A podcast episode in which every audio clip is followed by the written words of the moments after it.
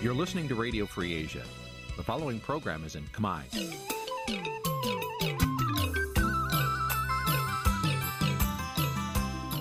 នេះជាកម្មវិធីផ្សាយ Vuthu Azizi Serai នេះជាកម្មវិធីផ្សាយរបស់ Vuthu Azizi Serai ជាភាសាខ្មែរ Vuthu Azizi Serai សូមស្វាគមន៍លោកអ្នកនាងទាំងអស់ពីរដ្ឋធានី Washington នៃសហរដ្ឋអាមេរិក។ចាប់ពីរដ្ឋធានី Washington នាងខ្ញុំម៉ៅសុធានីសូមជម្រាបសួរលោកអ្នកស្ដាប់ទាំងអស់ជាទីមេត្រី ចាយើងខ្ញុំសូមជូនការផ្សាយសម្រាប់ព្រឹកថ្ងៃសុក្រ100ខែបោះឆ្នាំថោះបัญចស័កពុទ្ធសករាជ2567ហើយដល់ត្រូវនឹងថ្ងៃទី26ខែមករាគ្រិស្តសករាជ2024 ជាដំបូងនេះសូមអញ្ជើញលោកអ្នកនាងកញ្ញាស្ដាប់ព័ត៌មានប្រចាំថ្ងៃដែលមានមេត្តាដូចតទៅអ្នកខ្លាប់មើលថាលោកកឹមសុខានឹងមិនអាចទទួលបានយុត្តិធម៌ពីសាលាអូតូឡើយអ្នកវិភាគថាកម្ពុជានិងវៀតណាមរួមដៃគ្នា បង្ក្រាបអ្នកទាមទារសិទ្ធិសេរីភាពក្រោមលេខកំទេចក្រមកម្លាំងអមិត្តបលាការចោទប្រកាន់លោកនាងសំអូន ពីបទបើកបរធ្វេសប្រហែសនិងបំពានច្បាប់ចរាចរណ៍សហគមន៍ខេត្តព្រះវិហារចង់ឲ្យក្រុមហ៊ុនទទួលខុសត្រូវពីអាជីវកម្មរ៉ែរបស់ខ្លួននៅកម្ពុជា រួមនឹងព័ត៌មាន សំខាន់សំខាន់មួយចំនួនទៀតចាត់ជាបន្តទៅទៀតនេះនាងខ្ញុំម៉ៅសុធានីសូមជូនព័ត៌មានទាំងនោះពឺស្ដា ចាលោកនាងជាទីមេត្រីអ្នកខ្លាំមើលថាដោយសារតែគណៈបកកណ្ដាលអំណាចមិនហ៊ានប្រគល់ប្រជែងនយោបាយដ៏ស្មើភាពគ្នាដូច្នេះលោកកឹមសុខានឹងពិបាកទទួលបានយុត្តិធម៌ពីសាលាឧទ្ធរនោះណាជុំវិញរឿងនេះអ្នកនាំពាក្យគណៈបកប្រជាជនកម្ពុជាអះអាង ថាការកាត់ទោសលោកកឹមសុខា គឺជាការងាររបស់តុលាការ ហើយមិនពាក់ព័ន្ធជាមួយការធ្វើនយោបាយរបស់គណៈបកកណ្ដាលអំណាចនោះឡើយ ចាប់ពីរដ្ឋធានី Washington លោកសេកបណ្ឌិតរាជការព័ត៌មាននេះអ្នកវិភាគនយោបាយនិងអ្នកឃ្លាំមើលលើកឡើងស្រដៀងស្រដៀងគ្នាថាដោយសារតែប្រព័ន្ធតុលាការស្ថិតនៅក្រោមឥទ្ធិពលរបស់គណៈបកកណ្ដាលអំណាចដូច្នេះលោកកំសុខា ប្រធានគណៈបកសង្គ្រោះជាតិនឹងមិនអាចទទួលបានយុត្តិធម៌នោះឡើយប្រធានក្រុមប្រឹក្សាឃ្លាំមើលកម្ពុជា នៅប្រទេសណ័រវេលោកម៉ែនណាតយល់ឃើញថាដោយសារគណៈបកប្រជាជនកម្ពុជា ធ្វើនយោបាយបែបទុច្ចរិតនិងមិនហ៊ានប្រកួតប្រជែងនយោបាយដោយត្រឹមត្រូវនិងយុត្តិធម៌នោះដូច្នេះលោកសន្និដ្ឋានថាលោកកំសុខានឹងមិនអាចមានសិទ្ធិធ្វើនយោបាយឡើងវិញបាននោះទេអញ្ចឹងសំបីតែលោករងឈុនហ្នឹងក៏គេបិទគាត់ដែរចុះតម្រាំលោកកំសុខាហ្នឹងរឿងអីដែលគេបើកឲ្យមានឱកាសគេអត់ទុកចិត្តទេបងអូនគេអត់ទុកចិត្តលោកកំសុខាបើបដ ாய் លោកកំសុខាមកធ្វើនយោបាយឡើងវិញ បើទោះបីជាគេរំពឹងថាធ្វើត្រឡប់មកវិញទៅធ្វើឲ្យអ្នកវិជាបតៃសេរីហ្នឹងខ្វែងគំនិតគ្នាដូចចិត្តសម័យគណៈបកសំរងស៊ីនិងគណៈបកសិទ្ធិមនុស្សក៏មិនបើកឱកាសដែរសាលាដំបងរាជធានីភ្នំពេញកាលពីថ្ងៃទី3ខែមីនាឆ្នាំ2023បានសម្រេចផ្តន្ទាទោសលោកកម្មសុខាឲ្យជាប់ឃុំនៅក្នុងផ្ទះរយៈពេល27ឆ្នាំ ក្នុងសំណុំរឿងសន្តិទ្ធិភាពជាមួយនឹងបរទេសឬបទក្បត់ជាតិ និងហាមមិនឲ្យធ្វើនយោបាយគាំទ្រនយោបាយនិងមិនអាចជួបអ្នកណាក្រៅពីសាច់ញាតិរបស់ខ្លួននោះឡើយ។សាលាធររាជធានីភ្នំពេញគ្រងនឹងបើកសវនាការលើសំណុំរឿងលោកកំសុខានៅថ្ងៃទី30ខែមករាខាងមុខនេះជុំវិញរឿងនេះអ្នកវិភាគនយោបាយលោកកឹមសុខលើកឡើងថា គ្រួសារត្រកូលហ៊ុន ចង់បន្តដឹកនាំប្រទេសយកគំរូតាមប្រទេសផ្ដាច់ការផងនោះដូច្នេះលោកកំសុខា នឹងមិនអាចទទួលបានយុត្តិធម៌ពីសាលាធរនោះទេនៅថៃបើទោះបីជាមានការរឹតបន្តឹងផ្នែកនយោបាយនៅក្នុងការរក្សាអំណាចរបស់ក្រមយោធាក៏ប៉ុន្តែគេនៅគិតអំពីផលប្រយោជន៍របស់ប្រទេសជាតិគេធំណាស់ក៏ប៉ុន្តែនៅប្រទេសកម្ពុជា ក្រមគ្រួសារហ៊ុនទាត់ចោលនៅផលប្រយោជន៍ប្រទេសជាតិទាំងអស់ហើយរក្សាត្រឹមតែអំណាចរបស់ខ្លួនទេ ឆ្លើយតបនឹងការលើកឡើងនេះអ្នកនាំពាក្យគណៈបកប្រជាជនកម្ពុជាលោកសុកអេសានអះអាងថាគណៈបកប្រជាជនកម្ពុជាមិនដែលធ្វើនយោបាយបែបកំសាកនោះឡើយលោកបន្តថាការកាត់ទោសលោកកម្មសុខា គឺជាភារកិច្ចរបស់តុលាការហើយគណៈបកប្រជាជនកម្ពុជាក៏មិនមានអធិបុលទៅលើតុលាការនោះដែរការចោទថាគណៈបកប្រជាជនកំសាកហ្នឹងអ្នកនិយាយនោះទេដែលជាអ្នកកំសាកណា បើខ្លួនខ្លាំងខ្លួនមិនព្រមបង្កើតគណៈបកនយោបាយចូលរួមប្រកួតប្រជែងក្នុងការបោះឆ្នោតទៅអាហ្នឹងបានគេហៅក្លាហានហើយបើដើរដើរទៅរត់ចោលស្រុកអញ្ចឹងហើយដើរទៅនិយាយទៅពីទៅពីគ្មានការទទួលខុសត្រូវអានឹងជាអ្នកក្លាហានរបស់គាត់ដែរអង្គការសង្គមស៊ីវិលជាតិនិងអន្តរជាតិនិងបណ្ដាប្រទេសនាំមុខគេក្នុងការគោរពលទ្ធិប្រជាធិបតេយ្យចាត់ទុកថាការចោទប្រកាន់ទៅលើលោកកម្មសខា រហូតដល់រំលាយគណៈបកសង្គ្រោះជាតិគឺជាការរំលាយមូលដ្ឋានគ្រឹះលទ្ធិប្រជាធិបតេយ្យនិងរំលោភសិទ្ធិមនុស្សធ្ងន់ធ្ងរនៅកម្ពុជា អង្គការសិទ្ធិមនុស្សអន្តរជាតិនិងបណ្ដាប្រទេសលទ្ធិប្រជាធិបតេយ្យដូចជាសហភាពអឺរ៉ុបសហរដ្ឋអាមេរិកនិងប្រទេសអូស្ត្រាលីជាដើម តែងតែទាមទារឲ្យរដ្ឋាភិបាលកម្ពុជា ដោះលែងលោកកម្មសុខាឲ្យមានសេរីភាព និងមានសិទ្ធិធ្វើនយោបាយឡើងវិញដោយឥតលក្ខខណ្ឌខ្ញុំបាទសេកបណ្ឌិត វិទ្យុអាស៊ីសេរីពីរដ្ឋធានីវ៉ាស៊ីនតោនប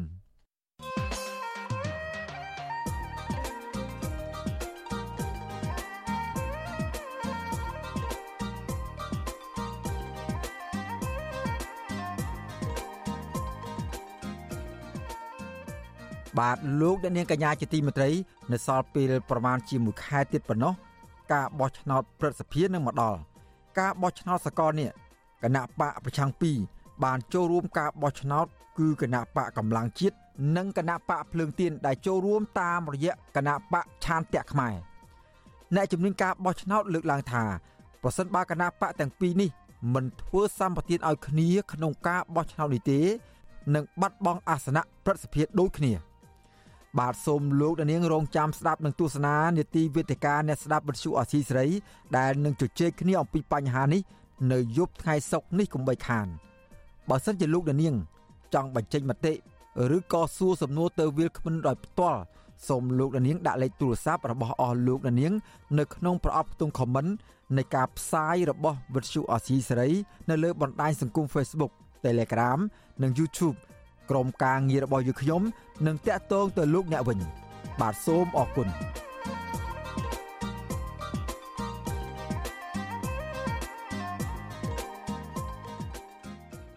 ចាលោកដានីលជាទីមេត្រីអ្នកវិភាគនិងមន្ត្រីបពប្រឆាំងយល់ឃើញដូចគ្នាថាការបន្តកិច្ចសហប្រតិបត្តិការរវាងកម្ពុជានិងវៀតណាមដើម្បីប្រឆាំងកម្លាំងអាមិត្តគឺជាការផ្ដល់ប្រយោជន៍តែសម្រាប់គណៈបកប្រជាជនកម្ពុជា និងប្រទេសវៀតណាមប៉ុណ្ណោះគឺមិនមែនសម្រាប់បរតខ្មែរពិតប្រាកដនោះឡើយប៉ុន្តែមន្ត្រីបកកណ្ដាលអំណាចឆ្លើយតបថាកិច្ចសហប្រតិបត្តិការនេះគឺដើម្បីការពារសន្តិសុខសម្រាប់ប្រទេសនីមួយនីមួយ ចាលូទីនសាខារីយ៉ារាយការណ៍ជំវិញព័ត៌មាននេះនៃវិភាគនឹងមន្ត្រីបកប្រឆាំងលើកឡើងថាកិច្ចសហប្រតិបត្តិការរវាងកម្ពុជានិងវៀតណាមនេះគ្រាន់តែជាការជួយគ្នាដើម្បីការពារការដឹកនាំបែបផ្ដាច់ការតាមរយៈការតាមកំទេចក្រុមអ្នកតស៊ូដើម្បីសិទ្ធិសេរីភាពនិងលទ្ធិប្រជាធិបតេយ្យអតីតតំណាងរាជគណៈបកសង្គ្រោះជាតិលោកអ៊ុំសំអានប្រាប់វិទ្យុអាស៊ីសេរីនៅថ្ងៃទី25មករាថា វៀតណាមនឹងបន្តទប់ស្កាត់ចំពោះអ្នកណាដែលអាចជាការគំរាមកំហែងដល់ការដឹកនាំបែបផ្ដាច់ការតពូជរបស់ត្រកូលហ៊ុនដោយមិនត្រូវឲ្យឆ្លងកាត់ទឹកដីវៀតណាមចូលមកកម្ពុជាឡើយលោកបន្តថាសម្រាប់កម្ពុជាវិញគឺរដ្ឋាភិបាលលោកហ៊ុនម៉ាណែតនិងបន្តបង្ក្រាបលើបរតខ្មែរក្រមរូបណាដែលកំពុងតែរស់នៅក្នុងទឹកដីខ្មែរហើយហ៊ានធ្វើសកម្មភាពផុសផុលដើម្បីតស៊ូទាមទារសិទ្ធិសេរីភាពសម្រាប់បរតខ្មែរកម្ពុជាក្រមដែលរស់នៅលើទឹកដីកំណើតរបស់ខ្លួន ក្រោមការត្រួតត្រានិងគ្រប់គ្រងដោយវៀតណាម។គឺវៀតណាមក៏ជួយគ្រប់គ្រងឲ្យគណៈបព្វជិជនឲ្យលោកហ៊ុនម៉ាណែតហ្នឹងកាន់អំណាចបដិការតទៅទៀតនៅកម្ពុជាដែរអញ្ចឹងដូច្នេះមានថាដើម្បីតែផលប្រយោជន៍ការកាន់អំណាចបដិការរបស់តកូលហ៊ុនតែប៉ុណ្ណោះឯងមិនមានដើម្បីផលប្រយោជន៍ខ្មែរនោះទេ កាលពីអំឡុងឆ្នាំ2007មានព្រះសង្ឃខ្មែរកម្ពុជាក្រមព្រះដេចគុណទឹមសខនព្រះចៅអធិការវត្តភ្នំដិនខាងជើងក្នុងខេត្តតាកែវ ធ្លាប់ត្រូវបានអាជ្ញាធរនិងមន្ត្រីសង្ឃខ្មែរចាប់ផ្សឹកដោយចាប់ប្រកាន់ពីបទធ្វើឲ្យបែកបាក់សាមគ្គីភាពវៀតណាមនិងកម្ពុជាដើម្បីប្រកល់ទៅឲ្យអាជ្ញាធរវៀតណាមយកទៅដាក់គុកនៅក្នុងប្រទេសវៀតណាមកាលពីថ្ងៃទី23មករាប្រធានគណៈបកប្រជាជនកម្ពុជាលហ៊ុនសែនបានជួបជាមួយសមាជិកការិយាល័យនយោបាយមជ្ឈិមបកកុម្មុយនីសវៀតណាម និងរដ្ឋមន្ត្រីក្រសួងនគរបាលវៀតណាមលោកតូលឹមនៅវិមាន7មករា ដើម្បីពិភាក្សាពង្រឹងកិច្ចសហប្រតិបត្តិការលើគ្រប់វិស័យរវាងគណៈបកកណ្ដាលអំណាចនិងគណៈបកកុម្មុយនីសវៀតណាមនិងវិស័យសន្តិសុខរវាងប្រទេសទាំងពីរលោកហ៊ុនសែនបានបង្ហោះសារលើ Facebook របស់លោកថានៅក្នុងជំនួបនោះលោកហ៊ុនសែននិងរដ្ឋមន្ត្រីក្រសួងនគរបាលវៀតណាមបានឯកភាពគ្នាជាថ្មីដោយមិនអនុញ្ញាតឲ្យកម្លាំងអមិត្តណាមួយប្រើប្រាស់ទឹកដីរបស់ខ្លួន ដើម្បីប្រឆាំងប្រទេសរៀងខ្លួនឡើយក្រៅពីជួបលោកហ៊ុនសែន រដ្ឋមន្ត្រីនគរបាលវៀតណាមក៏មានជំនួបដាច់ដោយឡែកមួយទៀតជាមួយលោកសខេងអនុប្រធានគណៈបកប្រជាជនកម្ពុជា និងជារដ្ឋមន្ត្រីក្រសួងមហាផ្ទៃកាលនោះហើយមន្ត្រីជាន់ខ្ពស់វៀតណាមរូបនេះក៏ជួបលោកហ៊ុនម៉ាណែតដែរជំវិញនឹងរឿងនេះអ្នកនាំពាក្យគណៈបកប្រជាជនកម្ពុជាលោកឈឹមផុលវរុនថ្លែងថាកិច្ចសហប្រតិបត្តិការដើម្បីប្រឆាំងអមិត្តគ្រាន់តែដើម្បីការពារសន្តិសុខស្ដាប់ធ្នាប់និងអធិបតេយ្យរបស់ប្រទេសនីមួយៗ ហើយការលើកឡើងផ្សេងពីនេះរបស់មន្ត្រីបកប្រឆាំងលោកអះអាងថាគ្រាន់តែជាសិទ្ធិបញ្ចេញមតិរឿងអ្នកដែលចូលចិត្តរឿងនិទានប្រជាធិបតេយ្យអានឹងជាសិទ្ធិរបស់អ្នកនោះប៉ុន្តែរឿងពាក្យអមិត្តមិនមែនមានតែនៅកម្ពុជាឬនៅវៀតណាមឬនៅអាស៊ីទេសូម្បីតែនៅអាមេរិកក៏ចាត់ទុកអ្នកដែលឆាំងខ្លួនជាអមិត្តដូចគ្នាហ្នឹងអ្វីត្បិតតែមានការលើកឡើងពីមន្ត្រីគណៈបកកណ្ដាលអំណាចបែបនេះក្តី ប៉ុន្តែនៃវិភាគនយោបាយលោកកឹមសុខសង្កេតឃើញថាកិច្ចសហប្រតិបត្តិការប្រឆាំងអមិត្តកន្លងមក តែងតែធ្វើឲ្យកម្ពុជាខាត់បងច្រើន ហើយមានតែវៀតណាមទេ ដែលទទួលបានផលចំណេញដូចជាទទួលបានលក្ខខណ្ឌអនុគ្រោះសម្រាប់បរិវៀតណាម បន្តហូរចូលមកនៅទឹកដីកម្ពុជានិងទទួលបានការចូលសញ្ជាតិខ្មែរជាធ្នូនឹងវៀតណាម បន្តជួយគ្រប់គ្រងការកាន់អំណាចរបស់គណបកប្រជាជនកម្ពុជា លោកបន្តថាសម្រាប់ក្រុមអ្នកនយោបាយប្រឆាំងដែលកំពុងតែភៀសខ្លួននៅក្រៅប្រទេសហើយចង់វិលមកស្រុកកំណើតវិញដើម្បីលើកកម្ពស់លទ្ធិប្រជាធិបតេយ្យឡើងវិញគឺមានលទ្ធភាពតិចតួចដែលអាចប្រើប្រាស់ទឹកដីវៀតណាមសម្រាប់ឆ្លងកាត់ចូលកម្ពុជាវិញ ពីព្រោះវៀតណាមនៅតែបន្តចង់ប្រើប្រាស់គណបកកាន់អំណាចដើម្បីបម្រើផលប្រយោជន៍របស់ខ្លួន ជាពិសេសគឺចង់ឲ្យកម្ពុជា បន្តជួយវៀតណាមទប់ស្កាត់កម្លាំងជនជាតិដើមភាគតិចនៅប្រទេសវៀតណាម ដែលងើបតស៊ូដើម្បីសេរីភាពចំណុចដែលសំខាន់បំផុតគឺវៀតណាមចង់ឲ្យកម្ពុជា ដែលដឹកនាំដោយលោកហ៊ុនម៉ាណែតនឹងទប់ស្កាត់កុំឲ្យជនជាតិដើមភាគតិចដែលរស់នៅវៀតណាមនោះអាចរត់គេចពីវៀតណាមហើយមកសំងំនៅប្រទេសកម្ពុជា ធ្វើសកម្មភាពនយោបាយដើម្បីសេរីភាពរបស់ជនជាតិដើមភាគតិចមួយចំនួន នៅប្រទេសវៀតណាមការលើកឡើងពីនៃវិភាគរូបនេះ ដោយសារចាប់តាំងពីឆ្នាំ2001មក មានជនជាតិភាគតិចម៉ុងតាញ៉ាវៀតណាមរាប់ពាន់នាក់រត់កាត់ព្រៃឆ្លងដែនចូលទឹកដីកម្ពុជា តាមខេត្តរតនគិរី និងមណ្ឌលគិរីដើម្បីស្វែងរកសិទ្ធិច្រកកោនដោយសារពួកគេអះអាងថាដើម្បីគេចចេញពីការធ្វើទុកបុកម្នេញនិងការបំបិទសិទ្ធិសេរីភាពផ្នែកសាសនាប៉ុន្តែកន្លងមកជនជាតិម៉ុងតាញ៉ាមួយចំនួនត្រូវបានអាជ្ញាធរកម្ពុជាចាប់ខ្លួនប្រកុលទៅឲ្យវៀតណាមវិញទោះ បីជាចំណាត់ការទាំងនេះរងការរិះគន់ពីអង្គការសិទ្ធិមនុស្សជាតិនិងអន្តរជាតិនិងប្រព្រឹត្តផ្ទុយពីអនុសញ្ញាស្តីពីជនភៀសខ្លួនរបស់អង្គការសហប្រជាជាតិក្តីខ្ញុំបាទធីនសាការីយ៉ាអស៊ីសេរីប្រធានាធិបតី Washington ចាលោកនាយកជាទីមេត្រីអ្នកវិនិយោគម្នាក់ក្នុងក្រុមហ៊ុន CIC អះអាងថាមន្ត្រីជាន់ខ្ពស់នៃរដ្ឋាភិបាលគឺលោកព្រៀបកុល ពិតជាមានឈ្មោះនៅក្នុងរចនាសម្ព័ន្ធគ្រប់គ្រងក្រុមហ៊ុនមួយនេះខណៈដែលក្រុមហ៊ុននេះកំពុងជួបវិបត្តិហិរញ្ញវត្ថុធ្ងន់ធ្ងរមន្ត្រីសង្គមស៊ីវិលមើលឃើញថាករណីនេះមានចំណុចសង្ស័យហើយដែលតឡាការគួរបើកការស៊ើបអង្កេតឲ្យបានឆាប់រហ័សប្រកបដោយតម្លាភាពដើម្បីបង្ហាញការពិតចាលោកមានរដ្ឋាភិការព័ត៌មាននេះវិនិយោគិនក្នុងក្រុមហ៊ុន CIC ថ្លែងក្នុងលក្ខខណ្ឌសុំមិនបញ្ចេញឈ្មោះនិងសម្លេងដោយបារម្ភពីសុវត្ថិភាពប្រាវិសុអាស៊ីស្រីនៅថ្ងៃទី25ខែមករាថា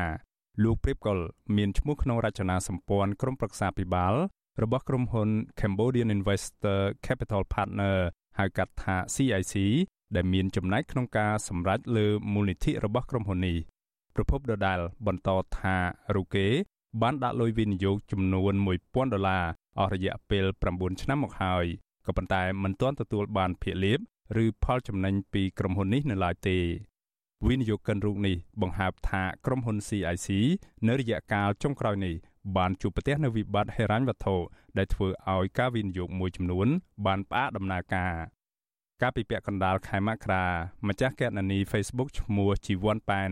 ដែលគ្រប់គ្រងដោយលោកយ៉ងប៉ាក់ បានសរសេរថាលោកព្រីបកុលត្រូវបានគេសង្ស័យថាជាអ្នកទទួលខុសត្រូវធំបំផុតនិងជាមេគំនិតនៃប្រតិបត្តិការយកលុយចេញពីក្រុមហ៊ុនគ្រប់គ្រងមូលនិធិវិនិយោគមួយហៅកាត់ថា CIC ប្រមាណ80លានដុល្លារពីចំនួនទឹកប្រាក់សរុបប្រមាណ130លានដុល្លារ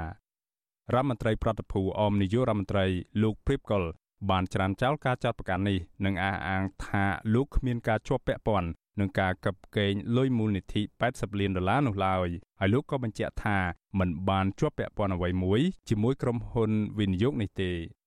ទោះជាយ៉ាងណាក្នុងកម្មវិធីសន្និបាតប្រចាំឆមាសឆ្នាំ2022របស់ក្រុមហ៊ុន Cambodian Investor Corporation ដែលជាក្រុមហ៊ុនមេរបស់ក្រុមហ៊ុន Cambodian Investor Capital Partners កាលពីថ្ងៃទី23ខែកក្កដាឆ្នាំ2022លោកព្រៀបកុលក៏មានវត្តមាននៅក្នុងកម្មវិធីនោះដែរ យ៉ាងណាក៏ដោយចុះលោកព្រៀបកុលអះអាងប្រាប់វិសុវអាស៊ីស្រីនៅថ្ងៃទី25ខែមករាថាលោកគ្រាន់តែជាអ្នកវិនិយោគម្នាក់នៅក្នុងក្រុមហ៊ុន CIC តែប៉ុណ្ណោះនិងមិនមានតួនាទីអ្វីនៅក្នុងរចនាសម្ព័ន្ធគ្រប់គ្រងដោយក្រុមហ៊ុននេះឡើយនៅពេលដែលមានការប្រជុំហើយខ្ញុំត្រូវបានអញ្ជើញខ្ញុំមានពេលតែខ្ញុំចូលរួមធម្មតាពួកខ្ញុំជាអ្នកវិនិយោគមួយរូបដែរនៅក្នុងនឹង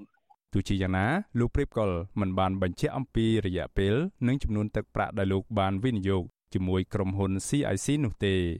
Visual C ស្រីមិនអាចតាក់ទងប្រធានក្រុមប្រឹក្សាភិបាលឬគណៈកម្មាធិការនយោបាយនៃក្រុមហ៊ុនវិនិយោគ CIC លោកសុកពិសិដ្ឋដើម្បីសុំការបកស្រាយជុំវិញរឿងនេះបាននៅឡើយទេនៅថ្ងៃទី25ខែមករាក៏ប៉ុន្តែកាលពីថ្ងៃទី23ខែមករាប្រធានក្រុមប្រឹក្សាភិបាលក្រុមហ៊ុនវិនិយោគ CIC លោកសុកពិសិដ្ឋបានចេញលិខិតបំភ្លឺថា លោកព្រៀបកុលមិនធ្លាប់មានតួនាទីនៅក្នុងរចនាសម្ព័ន្ធនៃគណៈគ្រប់គ្រងឬក្រុមប្រឹក្សាភិបាលនៃស្ថាប័ន CIC ឡើយខណៈគ្មានឯកសារឬកំណត់ត្រាណាមួយ បង្ហាញពីប្រតិបត្តិការហិរញ្ញវត្ថុនិងចរន្តសាច់ប្រាក់បញ្ចេញពីក្រុមហ៊ុន CIC ទៅលោកព្រៀបកុលនោះដែរយ៉ាងណាក៏ដោយចុះម្ចាស់កណនី Facebook មួយឈ្មោះជីវ័នប៉ែនគឺលោកយ៉ងប៉ានៅមុនពេលតឡាការសម្រេចឃុំខ្លួនលោកកាលពីថ្ងៃទី20ខែមករាបានអះអាងថា លោកមានភស្តុតាងស្ដីពីលំហូរសាច់ប្រាក់នៅក្នុងប្រព័ន្ធធនាគារវីដេអូនៃកិច្ចប្រជុំក្រុមប្រឹក្សាភិបាលនិងឯកសារពាក់ព័ន្ធដែលបានមកពីវិនិយោគិនផ្សេងទៀតដើម្បីបង្ហាញថាលោកព្រីបកុលជាប់ពាក់ព័ន្ធទៅនឹងការកឹបកេងលុយ80លានដុល្លារនោះខណៈលោកយ៉ងប៉ាក់ខ្លួនលោកផ្ទាល់ក៏ជាជនរងគ្រោះម្នាក់ដែលជាប់គាំងលុយនៅក្នុងការវិនិយោគនេះដែរ ទោះជាយ៉ាងណាលោកយ៉ងប៉ាក់ដែលបច្ចុប្បន្នកំពុងស្ថិតនៅក្នុងពន្ធនាគារព្រៃសរនោះមិនទាន់បានបង្ហាញឬបង្ហោះភស្តុតាងដែលលោកអះអាងនោះនៅឡើយទេទាក់ទងនឹងរឿងនេះអ្នកនាំពាក្យសមាគមការពារសិទ្ធិមនុស្សអាត់ហុកលោកសឹងសានករណាមានប្រសាសន៍ថាតឡាការគួរបើកការស៊ើបអង្កេតលើករណីនេះដើម្បីផ្ដល់ភាពយុត្តិធម៌ដល់អ្នកដែលនិយាយការពិតខណៈមហាជនកំពុងទន្ទឹងចាំមើលលោកទទូចឲ្យតឡាការធ្វើការលើរឿងក្តីនេះដោយឈលលើភាពត្រឹមត្រូវ មិនលំអៀងទៅរកភាគីអ្នកមានអំណាចអញ្ចឹងយើងចង់ឃើញដំណើរការនៅក្នុងការអនុវត្តច្បាប់ក្នុងសំណុំរឿងនេះធ្វើឡើងដោយស្មារភាពដោយតម្លាភាពដោយភាពត្រឹមត្រូវដើម្បីបង្ហាញទៅដល់សាធារណជន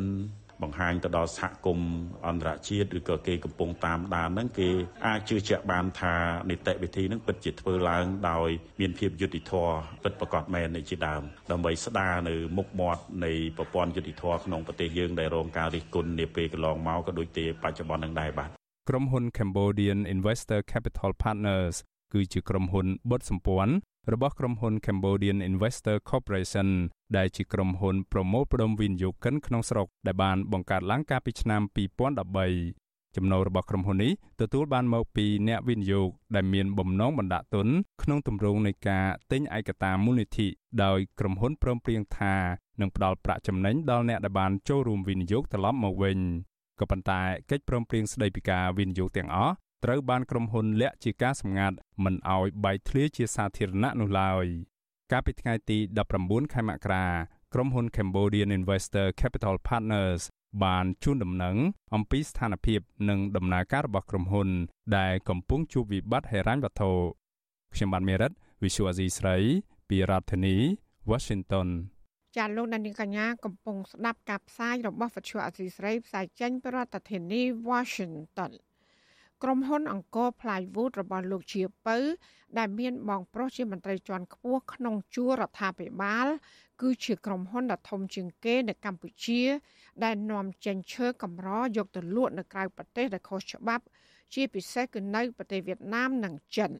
មន្ត្រីអង្គការសង្គមស៊ីវិលស្នើដល់រដ្ឋាភិបាលឲ្យស៊ើបអង្កេតបាត់ល្មើសក្រុមហ៊ុនមួយនេះដើម្បីចាត់វិធានការតាមច្បាប់ ចាសសេចក្តីរាយការណ៍ពុស្ដាមពីរឿងនេះលោកណានៀងនឹងបានស្ដាប់នាពេលបន្តិចទៀតនេះចាលោកដានៀងកញ្ញាជាទីមេត្រីដំណើរគ្នានឹងស្ដាប់ការផ្សាយរបស់វិទ្យុអសីស្រីតាមបណ្ដាញសង្គម Facebook YouTube និង Telegram លោកតានាងក៏អាចស្ដាប់ការផ្សាយរបស់យើង តាមរយៈរលក ធាតុអាកាសខ្លីឬ short wave តាមកម្រិតនិងកម្ពស់ដូចតទៅ ចាប់ពីព្រឹកចាប់ពីម៉ោង5កន្លះដល់ម៉ោង6កន្លះតាមរយៈប៉ុស SW 93.90 MHz ស្មើនឹងកម្ពស់ 32m និងប៉ុស SW 11.85 MHz ស្មើនឹងកម្ពស់ 25m ចាសម្រាប់ពេលយប់វិញ គឺចាប់ពីម៉ោង7កន្លះដល់ម៉ោង8កន្លះគឺតាមរយៈប៉ុស SW 93.30 MHz ស្មើនឹងកម្ពស់ 32m ប៉ុស SW 11.88 MHz ស្មើនឹងកម្ពស់ 25m និងប៉ុស SW 15.15 MHz ស្មើនឹងកម្ពស់ 20m ចាសសូមអរគុណ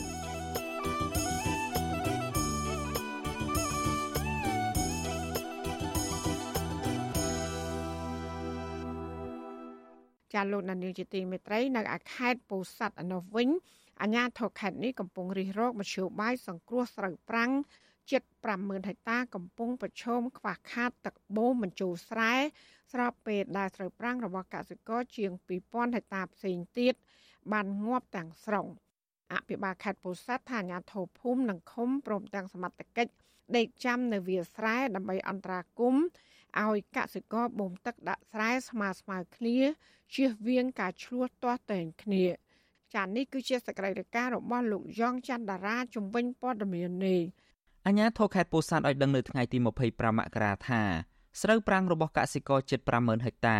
បានខូចខាតមួយចំនួនហើយដោយសារតែកសិករធ្វើស្រែប្រាំងឆ្ងាយពីប្រភពទឹក ដែលអាជ្ញាធរពិបាកនឹងជួយសង្គ្រោះអភិបាលខេត្តពោធិ៍សាត់លោកខូរីដាប្រាប់វិទ្យុអាស៊ីសេរីថា អាជ្ញាធរបានបូមទឹកបញ្ចូលអូប្រឡាយនិងបឹងមួយចំនួនដោយកំណត់ឲ្យកសិករបូមទឹកដាក់ស្រែស្មើស្មើគ្នាលោកថាមន្ទីរកសិកម្មខេត្តពោធិ៍សាត់វាយតម្លៃថាគិតមកដល់ពេលនេះស្រែប្រាំងរបស់កសិករនៅក្នុងស្រុកបាកាន និងស្រុកកណ្ដៀងទំហំជាង2000ហិកតា បានខូចខាតទាំងស្រុងនៅតំបន់ឆ្ងាយពីប្រភពទឹក និងតំបន់ខ្លះទៀតកំពុងក្រៀមស្វិតហើយអាជ្ញាធរកំពុងអន្តរាគមជួយសង្គ្រោះបាយស្រុកជាវាយផ្សេងបរមមេឃុ កកងកម្លាំងប្រាប់អត់ទឹកដេកនៅតាមមាត់បលាយដើម្បីបែកចែកទឹកបើសិនជាមិនទៅធ្វើអញ្ចឹងទេពួកគាត់នឹងប្រហែលជាកັບចាក់នេះស្ដាប់ឯណាទេធ្វើឲ្យស្លាប់ស្ងាត់មានសម្លាភាពបែងចែកទឹកនេះទទួលយកបានទាំងអស់គ្នាយកប្រជាជនទាំងអស់ហ្នឹងក៏ប្រទេសតាបញ្យល់និយាយគ្នាទៅវិញទៅមកអភិបាលខេត្តរូបនេះឲ្យដឹងទៀតថាតម្លៃស្រូវឆ្នាំនេះហក់ឡើងថ្លៃទ្វេមួយជា2បើធៀបនឹងកាលពីឆ្នាំមុន តម្លៃស្រូវក្នុង1គីឡូក្រាម700ដល់800រៀលក៏ប៉ុន្តែឆ្នាំនេះស្រូវមានតម្លៃចន្លោះពី1300រៀលទៅ1500រៀលក្នុង1គីឡូក្រាមលោកខូរីដាបន្ថែមទៀតថាប្រសិនបើសង្គ្រោះស្រូវប្រាំងរបស់កសិករបានទាន់ពេលវេលានោះនឹងជួយដល់ជីវភាពរបស់ប្រជាពលរដ្ឋលោកថាអាញាធរខេត្តបានស្នើទៅរដ្ឋាភិបាលកសាងទំនប់ទឹកធំធំបន្ថែមទៀតនៅក្នុងស្ទឹងពោធិ៍សាត់ដើម្បីផ្ដល់ទឹកឲ្យប្រជាពលរដ្ឋធ្វើស្រែប្រាំងគ្រប់គ្រាន់។ ចាប់តាំងពីចុងខែធ្នូរហូតមកដល់ពេលនេះកសិកររស់នៅក្នុងស្រុកបាកាននិងស្រុកកណ្ដៀងខេត្តពោធិ៍សាត់កំពុងមមាញឹកបូមទឹកបញ្ចូលស្រែនិងស្វះស្វែងរកទឹកពីមធ្យោបាយផ្សេងផ្សេងដើម្បីស្រោចស្រពស្រូវប្រាំងរបស់ពួកគាត់កសិករខ្លះបានជីកអណ្ដូងហើយកសិករខ្លះទៀតបានទិញទឹកតាមរថយន្តយកមកពីតំបន់ឆ្ងាយដើម្បីបាញ់ស្រោចស្រពស្រែប្រាំងរបស់ពួកគាត់កសិករមួយចំនួនបានដណ្ដើមគ្នាបូមទឹកពីប្រឡាយអូនិងស្ទឹងដែលធ្វើឲ្យប្រភពទឹកធំធំរីងខាស់ ថ្មីថ្មីនេះកសិករមួយចំនួនបានបង្ហោះសារតាមបណ្ដាញសង្គម Facebook បង្ហាញពីទុកលំបាករបស់កសិករមួយចំនួននៅក្នុងស្រុកបាកាន ដែលត្រូវការទឹកបូមបញ្ចូលស្រែប្រើពេលវេលាថវិកានិងកម្លាំងពលកម្មជាច្រើនទម្រាំអាចទាញទឹកស្រោចស្រូវប្រាំងបានម្ដងម្ដងរីឯកសិករខ្លះទៀតបានដណ្ដើមទឹកគ្នាបូមដាក់ស្រែរហូតឆ្លោះទាស់តែងគ្នាក៏មានដោយសារតែដីស្រែរបស់ពួកគាត់ស្ងួតក្រៀមស្វិតប្រជាកសិកររស់នៅខេត្តពោធិ៍សាត់ កញ្ញាសាយលឹមជូសោកស្ដាយដែលស្រូវប្រាំងរបស់កសិកររាប់ម៉ឺនហិកតាទុកទំនេរចោលហើយកសិករភ ieck ច្រើនធ្វើកសិកម្មបានតែក្នុងរដូវវស្សាប្រវាស់មេឃតាំងពីបុរាណកាលមកជាច្រើនឆ្នាំមកហើយដោយឆ្នាំខ្លះជួបគ្រោះទឹកជំនន់និងគ្រោះរាំងស្ងួតខូចខាតស្រូវអស់ក៏មានកញ្ញាបន្ថែមថាវិបត្តិខ្វះទឹកធ្វើស្រែប្រាំងនេះគឺដោយសារតែរដ្ឋាភិបាលមិនទាន់កសាងប្រព័ន្ធធារាសាស្ត្របានគ្រប់ច្រកល្ហក។ ព្រោះហ្នឹងវាមិនទៅកាត់ឡើងលើកទី1អញ្ចឹងណាគ្រាន់តែថាបើយើងនិយាយពីទំនួលខុសត្រូវរបស់រដ្ឋក្នុងការធានាពីសុខភាពឬក៏ស្ថានភាពក្នុងការលើកស្ទួយកសិករឲ្យគាត់ប្រកបការផលហ្នឹងវាអត់ទាន់យើងថាអត់ទាន់មានអញ្ចឹងចាស់អញ្ចឹងបើមានទឹកគ្រប់គ្រាន់យើងអាចប្រើប្រាស់ដីហ្នឹងឲ្យអស់ពីលទ្ធភាពវាចំណេញល្អសម្រាប់កសិករជុំវិញរឿងនេះប្រធានមជ្ឈមណ្ឌលប្រជាពលរដ្ឋដើម្បីអភិវឌ្ឍនិងសន្តិភាពលោកយងកំឯងយល់ថា បញ្ហាខ្វះទឹកធ្វើស្រែប្រាំងបានកើតឡើងជាច្រើនឆ្នាំមកហើយលំមដល់ពេលដែលរដ្ឋាភិបាលដោះស្រាយដោយត្រូវពន្លឿនការកសាងប្រព័ន្ធធារាសាស្ត្រគ្រប់ច្រកល្ហកដើម្បីផ្ដល់ទឹកគ្រប់គ្រាន់ចែកជូនពលរដ្ឋធ្វើកសិកម្មគ្រប់រដូវខ្ញុំបង្កើតវេទិកាកសិកម្មមួយទៅខ្ញុំថាគូថារៀបចំហើយអញ្ជើញអ្នកជំនាញចម្រុះគិតគូផ្ដោតទៅលើវិស័យកសិកម្មជាបញ្ហាខ្លះយើងមើលឃើញប៉ុន្តែបើយើងគិតទៅយើងថាអាចនឹងចាយលុយច្រើនបាទប៉ុន្តែបើយើងអញ្ជើញ ទៅជែកគ្នាភាសាបានផុសផុលហើយជាយើងអាចរកឃើញដំណោះស្រាយមន្ត្រីសង្គមស៊ីវិលរូបនេះឆ្ងល់ថារដ្ឋាភិបាលកំណត់ថាប្រទេសកម្ពុជាជាប្រទេសកសិកម្មហើយកសិករមានរហូតដល់ទៅ80%តើហេតុអ្វីបានជាវិស័យកសិកម្មក្នុងប្រទេសនៅតែប្រឈមទៅនឹងបញ្ហាខ្វះទឹកលោកថាបឹងបួស្ទឹងនិងអូដែលជាប្រភពទឹកសំខាន់រដ្ឋាភិបាលត្រូវតែថែរក្សានិងជីកស្ដារពង្រីកបន្ថែមទៀត ដើម្បីបង្កើតចរន្តបង្ហូរទឹកលឿនងាយស្រួលកសិករធ្វើកសិកម្មហុចផលច្រើនអញ្ញាធរខេត្តពោធិ៍សាត់ឲ្យដឹងថាផែនការកសាងទំនប់ទឹកធំធំចំនួន2នៅក្នុងស្ទឹងពោធិ៍សាត់នឹងផ្ដើមកសាងនៅឆ្នាំ2024នេះហើយគម្រោងនេះអាចឲ្យកសិករនៅក្នុងខេត្តឈប់ប្រឈមបញ្ហាខ្វះទឹកនៅឆ្នាំ2026និងឆ្នាំ2027ខាងមុខខ្ញុំយ៉ងច័ន្ទដារាវិទ្យុអាស៊ីសេរី Washington ចាលោកនាងជាទីមេត្រីពាក់ព័ន្ធនឹងអាជីវកម្មរ៉ែនៅកម្ពុជាវិញពជាសហគមន៍ដែលរងផលប៉ះពាល់ពីអាជីវកម្មរ៉ែនៅតំបន់ភ្នំលុងនៅក្នុងខេត្តព្រះវិហារស្នើឲ្យក្រុមហ៊ុនទទួលខុសត្រូវពីផលប៉ះពាល់បរិស្ថាននិងជីវភាពរស់នៅ របស់ប្រជាជាង1000គ្រួសារដែលរងគ្រោះដោយសារតែអាជីវកម្មរ៉ែមាសការលើកឡើងនេះធ្វើឡើងស្របពេលដែលអង្គការសមត្ថៈកម្ពុជា បានបង្ហាញរបាយការណ៍មួយប្រកាសអាសន្ន ពីបញ្ហាអាជីវកម្មរ៉ែនៅកម្ពុជាចាអ្នកស្រីសុជីវីមានសេចក្តីរាយការណ៍ពុស្ដាជំវិញព័ត៌មាននេះប្រជាសហគមន៍រស់នៅតំបន់ភ្នំលុងស្រុករវៀងខេត្តព្រះវិហារចាត់ទុករបាយការណ៍របស់អង្គការសមត្ថៈថាឆ្លុះបញ្ចាំងការពិត ហើយពួកគាត់ទាមទាររដ្ឋាភិបាលដោះស្រាយបញ្ហានេះប្រកបដោយប្រសិទ្ធភាព ជាពិសេសត្រូវប្រុងប្រយ័ត្នខ្ពស់មុននឹងផ្ដល់អាជ្ញាប័ណ្ណឲ្យក្រុមហ៊ុនណាមួយធ្វើអាជីវកម្មរ៉ែ របាយការណ៍កម្រាស់ជាង60ទំព័រដែលចេញផ្សាយកាលពីចុងឆ្នាំ2023ផ្ដោតសំខាន់ទៅលើបញ្ហាក្រុមហ៊ុនបានប្រើសារធាតុគីមី បង្កហានិភ័យទៅដល់សុខភាព បង្កើតឲ្យមានការទន្ទ្រានយកដីធ្លី ការបំផ្លាញបរិស្ថាន និងសុវត្ថិភាពការងាររបស់ពលរដ្ឋកម្ពុជា ជាពិសេសជនជាតិដើមភាគតិចតំណាងសហគមន៍ជនជាតិដើមភាគតិចគួយខេត្តព្រះវិហារលោកពុយឆេនប្រាប់វិទ្យុអាស៊ីសេរីនៅថ្ងៃទី25ខែមករាថា ពេលនេះមានក្រុមហ៊ុនវិនិយោគអាជីវកម្មចម្រាញ់រ៉ែមាសចំនួន3នៅតំបន់ភ្នំលុងបន្តពង្រីកផ្ទៃដីធ្វើអាជីវកម្មរ៉ែមាសរបស់ខ្លួនប៉ះពាល់ពលរដ្ឋដោយផ្ទាល់ជាង1000គ្រួសារជាច្រើនឆ្នាំមកហើយលោកបញ្ជាក់ថាពលរដ្ឋរងផលប៉ះពាល់ធ្ងន់ជាងគេដោយសារតែដីចម្ការរបស់ពួកគាត់មានរ៉ែមាសនៅក្នុងដីហើយក្រុមហ៊ុនទាំងនេះបានរំលោភបំពានដីកសិកម្មរបស់ពួកគាត់ជាបន្តបន្ទាប់បង្កើតឲ្យមានចំនួនដីធ្លីជាង10ឆ្នាំមកហើយ នៅមិនទាន់ដោះស្រាយរួចចង់ឲ្យក្រុមហ៊ុននឹងឯងបង្ការខូចខាតមួយគឺបញ្ហាបរិស្ថានទីពីរទៀតគឺបង្ការខូចខាតដីព្រៃភ្នំទាំងអស់នឹងឯងគឺចិត្តតែក្រុមហ៊ុននឹងឯងវាកាប់បំផ្លាញព្រៃឈើព្រៃអីអស់ហើយវាជាបរិស្ថានទាំងព្រៃឈើទាំងបរិស្ថានទាំងទឹកទាំងអីទាំងអស់ហ្នឹងគឺត្រូវតែក្រុមហ៊ុននឹងឯងមានការសងសំណងមកលើប្រជាជនវិញពីព្រោះប្រជាជនរស់នៅដោយសាររងនៅអរិយសារជាតិពលហ្នឹងវាច្រើនណាស់ រាប់ឆ្នាំមកហើយចារបាយការណ៍របស់អង្គការសមត្ថៈដដែលបន្ថែមថាក្រុមហ៊ុន Delcom Cambodia ស្ថិតនៅក្នុងចំណោមករណីសិក្សាស្រាវជ្រាវនៅកន្លែងផ្សេងទៀតនៅក្នុងខេត្តរតនគិរីមណ្ឌលគិរីនិងក្រចេះពលរដ្ឋនៅក្នុងតំបន់នោះបានជីករករករ៉ែខ្នាតតូចលក្ខណៈគ្រួសារជាច្រើនចំនួនមកហើយតែត្រូវបានហាមឃាត់នៅពេលដែលក្រុមហ៊ុនឯកជន ចូលទៅវិនិយោគនៅទីនោះអង្គការដដែលលើកឡើងនៅក្នុងរបាយការណ៍ទៀតថា ក្រុមស្រាវជ្រាវបានជជែកផ្ទាល់ជាមួយជនជាតិដើមភាគតិចជាច្រើនអ្នកហើយសហគមន៍និយាយថា សារធាតុរ៉ែបានបំពុលផ្លូវទឹកជាមួយនឹងជាតិគីមីដែលក្រុមហ៊ុនចម្រាញ់យកមាសនិងធ្វើឲ្យពួកគាត់បាត់បង់ដីនិងការចិញ្ចឹមជីវិតលក្ខណៈប្រពៃណីបង្ខំឲ្យអ្នកភូមិផ្លាស់ទីលំនៅរីឯការទទួលសំណងបានតិចតួចប៉ុណ្ណោះជុំវិញរឿងនេះនាយកប្រតិបត្តិអង្គការសមត្ថៈកម្ពុជាលោកអៀងវុធីប្រាប់វិទ្យុអាស៊ីសេរីថា គោលបំណងនៃរបាយការណ៍នេះដើម្បីឲ្យតួអង្គទាំងអស់ដឹងពីស្ថានភាពរ៉ែទាំងចំណុចវិជ្ជមាន និងអវិជ្ជមានលោកសង្កេតឃើញថាក្រុមហ៊ុនខ្លះបំពេញលក្ខខណ្ឌរបស់ក្រសួងបានល្អប៉ុន្តែក្រុមហ៊ុនខ្លះទៀតមិនទាន់បំពេញលក្ខខណ្ឌត្រឹមត្រូវនៅឡើយធ្វើឲ្យមានហានិភ័យការងារខ្វះប្រព័ន្ធសុវត្ថិភាពជូនកម្មករនិងការគ្រប់គ្រងសារធាតុគីមីខ្វះចន្លោះច្រើនប៉ះពាល់ដល់អ្នកភូមិនៅក្នុងតំបន់ក្រុមហ៊ុនវិនិយោគបង្កើតឲ្យមានបញ្ហាដីធ្លី។ បញ្ហាដែលកើតឡើងហ្នឹង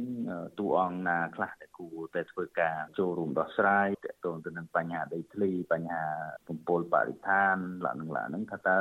ក្រុមហ៊ុនពុំមានក្រុមហ៊ុនច្រើនដែលចូលរួមនៅក្នុងវិស័យហ្នឹងចាំបាច់វាត្រូវតែមានករណីជាក់លាក់អញ្ចឹងណាយើងមានការបារម្ភទាក់ទងទៅនឹងវិស័យរ៉ែនេះវាទាក់ទងទៅនឹងបញ្ហាផ្លូវច្បាប់ថាតើក្រុមហ៊ុនទាំងអស់ហ្នឹងគាត់បានបំពេញលក្ខខណ្ឌដែលច្បាប់តម្រូវឲ្យនៅហើយគាត់មានការពិគ្រោះយោបល់ជាមួយវិជាពលរដ្ឋដែលនៅក្នុងតំបន់ហ្នឹងតែទេបើតាមរបាយការណ៍របស់អង្គការសមត្ថៈកម្ពុជាក្រុមហ៊ុន Renaissance Mineral ដែលគ្រប់គ្រងកន្លែងយករ៉ែមាសនៅក្នុងតំបន់អូខ្វៅនៅក្នុងស្រុកកៅសីមាខេត្តមណ្ឌលគិរីផ្ដល់ការងារល្អដល់ពលរដ្ឋកម្ពុជា បានអនុវត្តតាមវិធានសុវត្ថិភាពមូលដ្ឋានផ្ដល់ឲ្យនូវអត្ថប្រយោជន៍សុខភាពជាដើម។ លើសពីនេះទៀតក្រុមហ៊ុនបានដាក់ទុនវិនិយោគលើហេដ្ឋារចនាសម្ព័ន្ធនៅមូលដ្ឋាន ដែលផ្ទុយពីក្រុមហ៊ុនចិនគ្រប់គ្រងដោយជនជាតិចិន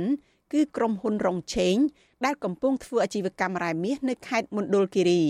ចំណែកអ្នកភូមិខ្លះសប្បាយចិត្តជាមួយក្រុមហ៊ុន Renaissance Mineral របស់ប្រទេសអូស្ត្រាលីលើកលែងតែការទុនទ្រានរបស់ក្រុមហ៊ុនលើដីប្រពៃណីរបស់ជនជាតិដើមភាគតិចនិងកង្វះដំណាភាពជំវិញផែនការនិងសកម្មភាពរបស់ក្រុមហ៊ុនកាលពីដំបូងឡើយ។ ពេលនេះមានក្រុមហ៊ុនចំនួន3កំពុងបន្តធ្វើអាជីវកម្មរ៉ែមាសនៅក្នុងតំបន់ភ្នំលុងស្រុករវៀងខេត្តព្រះវិហាររួមមានក្រុមហ៊ុនគីមជាធួនគ្រុបក្រុមហ៊ុន Delcom Cambodia និងក្រុមហ៊ុន Hansen San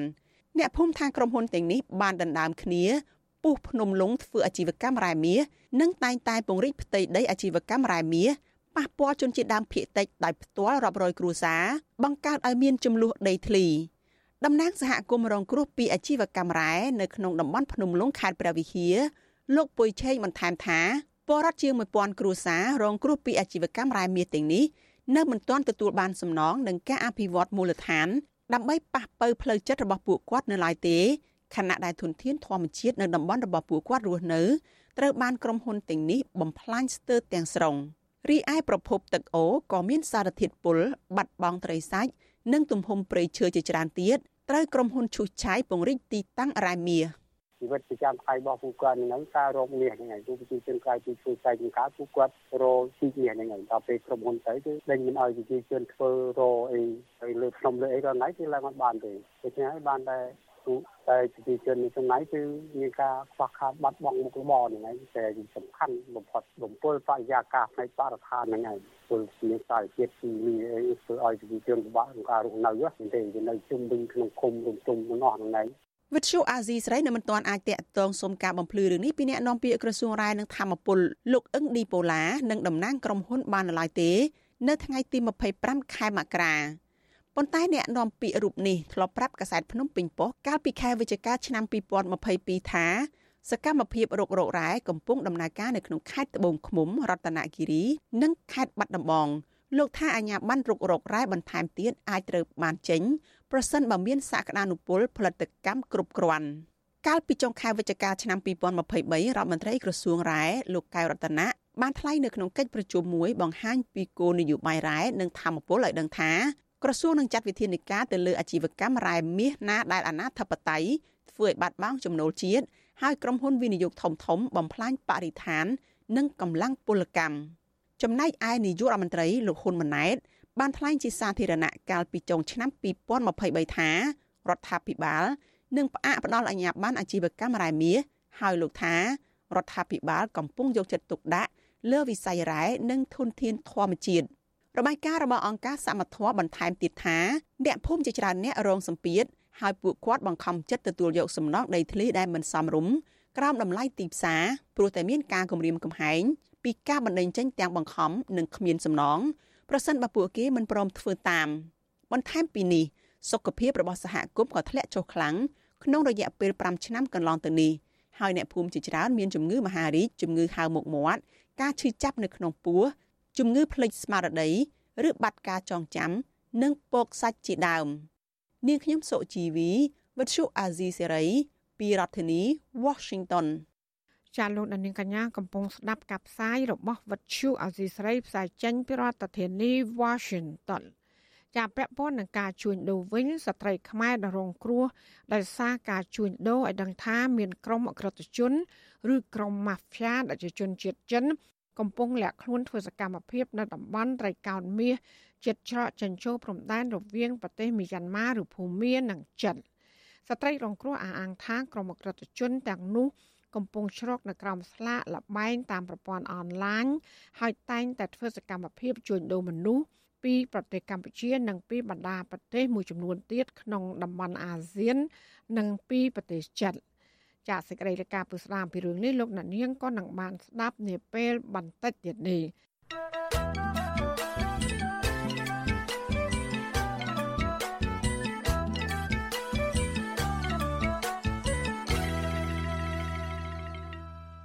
ចាលោកនាងជាទីមេត្រីដែលឡាយតាក់ទងនឹងការជួញដូរគ្រឿងញៀនវិញកម្លាំងមន្ទីរប្រឆាំងបទល្មើសកំពុងបន្តនីតិវិធីសាកសួរជនសង្ស័យចំនួន5នាក់ ដើម្បីកសាងសំណុំរឿងបញ្ជូនទៅតុលាការពាក់ព័ន្ធនឹងការចោទប្រកាន់ថាបានដឹកជញ្ជូនគ្រឿងញៀនឆ្លងដែនជាង1តោនកន្លះមន្ត្រីសិទ្ធិមនុស្សក៏បានស្នើដល់តុលាការឲ្យផ្តន្ទាទោសជនល្មើសឲ្យបានធ្ងន់ធ្ងរតាមច្បាប់ និងទាមទារឲ្យសមត្ថកិច្ចស្វែងរកមេខ្លោងពាក់ព័ន្ធយកមកអនុវត្តច្បាប់ដើម្បីទប់ស្កាត់ការហូរចូលគ្រឿងញៀនមកកម្ពុជា ចាប់ពីរដ្ឋធានី Washington អ្នកស្រីស្ងួនអមរារាយការណ៍ព័ត៌មាននេះ អគ្គស្នងការនគរបាលជាតិទទួលផែនប្រយុទ្ធប្រឆាំងគ្រឿងញៀនលោកម៉ាក់ជីតូប្រាប់វិទ្យុអាស៊ីសេរីនៅថ្ងៃទី25ខែមករាថាលោកបានស្នើសុំព្រះរាជអាជ្ញាសាលាដំបងរាជធានីភ្នំពេញពន្យាពេល24ម៉ោងទៀតក្នុងការបញ្ជូនជនសង្ស័យជនជាតិចិននិងតៃវ៉ាន់ចំនួន5នាក់ទៅតុលាការលោកថាការពន្យាពេលនេះក្រោមហេតុផលថាសមត្ថកិច្ចកំពុងស៊ើបអង្កេតរោគផោះតាំងបន្ថែម និងតាមចាប់មនុស្សមួយចំនួនទៀតកំពុងរត់គេចខ្លួនលោកបញ្ជាក់ថាបច្ចុប្បន្នគ្រឿងញៀនជាង1តោនកន្លះនិងជនសង្ស័យចំនួន5នាក់កំពុងឃុំខ្លួនបណ្ដោះអាសន្ននៅមន្ទីរប្រឆាំងបទល្មើសគ្រឿងញៀនតាន់បញ្ជូនហ្មងយើងសូមពជា24ម៉ោងព្រោះការបំពេញនីតិវិធីវានៅមិនតាន់ចប់ណាព្រោះគ្នាច្រើននេះសួរចម្លើយសួរអីមិនតាន់អស់ហើយយើងពងស្រាវជ្រាវបន្ថែមទៀតណាឥឡូវយើងពងស្នើសុំនៃការស្វែងរកចាប់អ្នកដែលសេសសល់ហើយនឹងស្នើសុំនិវេតក្រហមដើម្បីសហការមួយប្រទេសទាំងអស់ណា កាលពីថ្ងៃទី22ខែមករាកម្លាំងនគរបាលថ្នាក់ជាតិសហការជាមួយកម្លាំងនគរបាលខេត្តព្រះសីហនុបង្ក្រាបបានជនសង្ស័យជនជាតិតៃវ៉ាន់និងចិនចំនួន5នាក់ដែលពួកគេបំរុងដឹកជញ្ជូនគ្រឿងញៀនជាង1តោនកន្លះតាមដែនសមុទ្រខេត្តព្រះសីហនុទៅកាន់កោះតៃវ៉ាន់សមត្ថកិច្ចក៏បានបន្តស្រាវជ្រាវរកឃើញឃ្លាំងស្តុកគ្រឿងញៀនរបស់ជនសង្ស័យនៅចំណុច3ទីតាំងផ្សេងគ្នាដោយទីតាំងឃ្លាំងស្តុកគ្រឿងញៀនទី1 ស្ថិតក្នុងខណ្ឌកំពូលរាជធានីភ្នំពេញ និងទីតាំងទី2ស្ថិតនៅក្នុងខេត្តព្រះសីហនុអគ្គស្នងការនគរបាលជាតិទទួលផែនប្រយុទ្ធប្រឆាំងគ្រឿងញៀនលោកម៉ាក់ជីតូឲ្យដឹងទៀតថាគ្រឿងញៀនជាង1តោនកន្លះភាគច្រើនជាប្រភេទម្សៅខេ